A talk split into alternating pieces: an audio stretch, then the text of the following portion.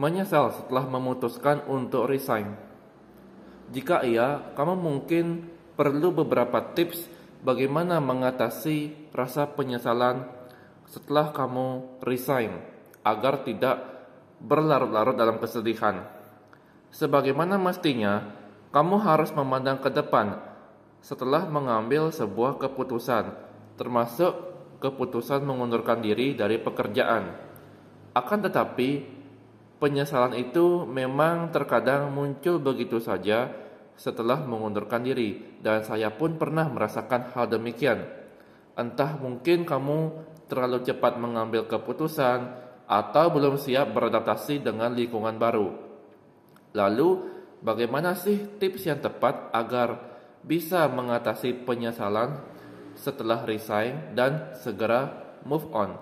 Kamu perlu menyimak tips ini di episode 45 Mr. RD Podcast.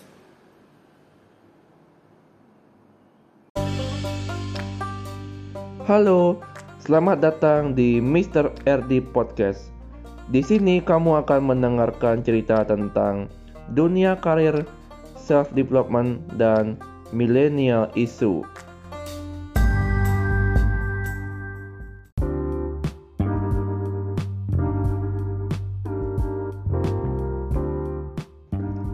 Mr. RD Podcast Season 1 Your question I answer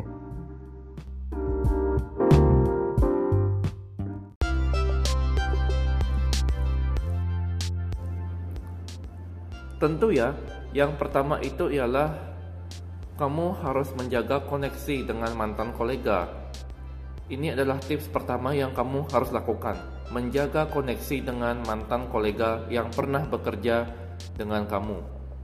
Meski tak lagi kamu itu berada dalam satu perusahaan yang sama, sebaiknya kamu tetap saling berhubungan dengan mantan rekan kerjamu sebelumnya. Mengapa kamu harus melakukan hal ini? Hal tersebut akan membantu kamu untuk mengatasi rasa penyesalanmu. Masalahnya ialah salah satu hal yang membuat orang menyesal setelah resign adalah karena kehilangan rekan kerjanya. Menurut catatan Forbes, sekitar 28 orang maaf, sekitar 28% orang menyesal karena telah meninggalkan rekan kerjanya dan 20% lagi menyesal karena meninggalkan atasannya yang baik. Mungkin jika ada waktu yang senggang, kamu bisa mengajak mantan teman kerjamu untuk bertemu dan berbicara tentang hal apa saja, termasuk mengenai karir. Dan tips yang kedua ialah kamu berdiskusi dengan teman dekat. Kamu mungkin masih bertanya-tanya, apakah keputusan untuk mundur yang diambil sudah tepat atau belum?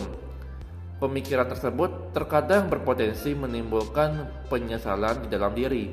Nah, tips lainnya untuk mengatasi rasa penyesalan setelah resign adalah mengajak teman terdekatmu untuk berdiskusi mengenai keputusanmu.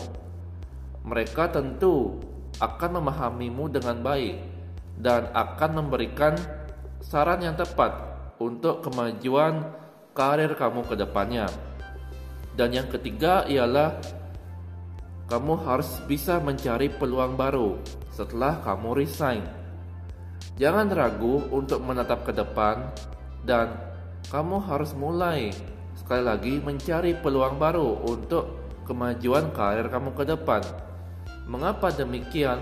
Karena jika kamu belum punya pekerjaan baru, saat kamu ingin mengundurkan diri, hal ini tentu akan mengancam kondisi finansial kamu.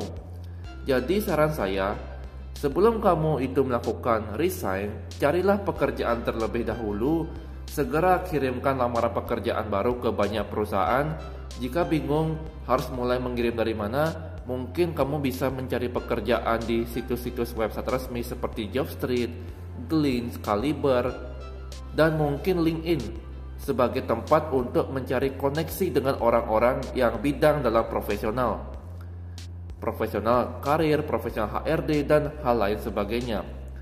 Lalu, kamu tinggal ketik posisi yang ingin dicari di kolom pencarian. Kemudian kamu tinggal pilih dan kirimkan lamarannya langsung. Atau mungkin melalui LinkedIn, kamu bisa mencari koneksi baru dengan orang-orang yang profesional dalam bidang HRD dan karir.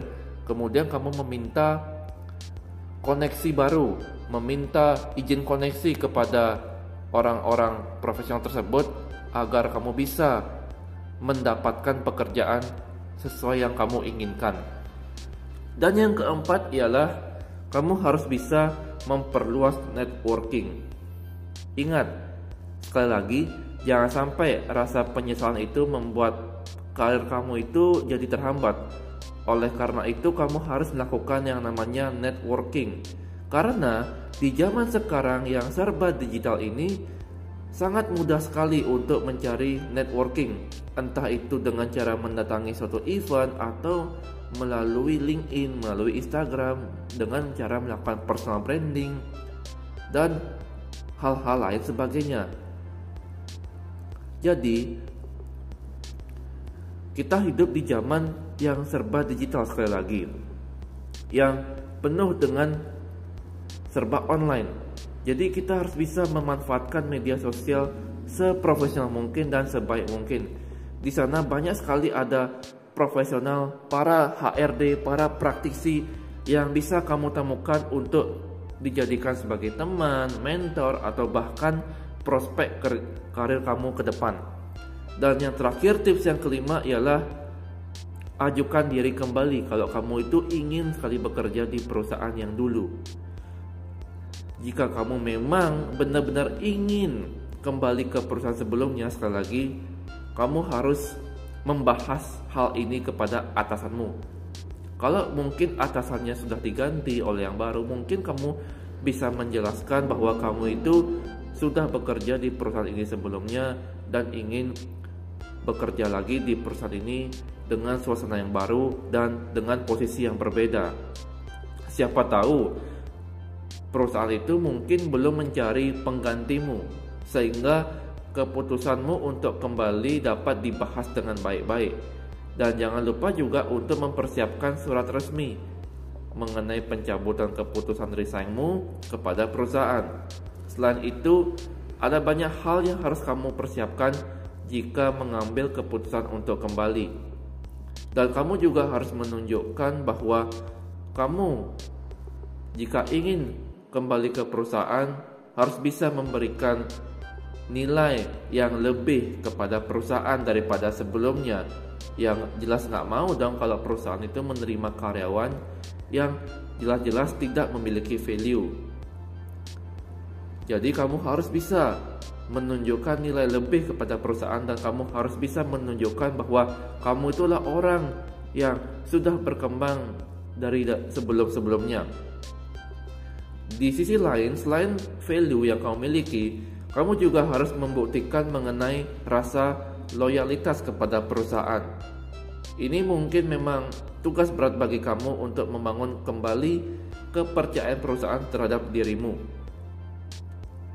Nah, itulah dia 5 tips bagaimana mengatasi penyesalan setelah resign. Sebisa mungkin tetap tetap pikirkan dengan matang-matang saat kamu itu akan memutuskan untuk resign. Akan tetapi, jika sudah terlanjur dibuat, sebaiknya kamu harus siap untuk menghadapi konsekuensi dan tantangan selanjutnya.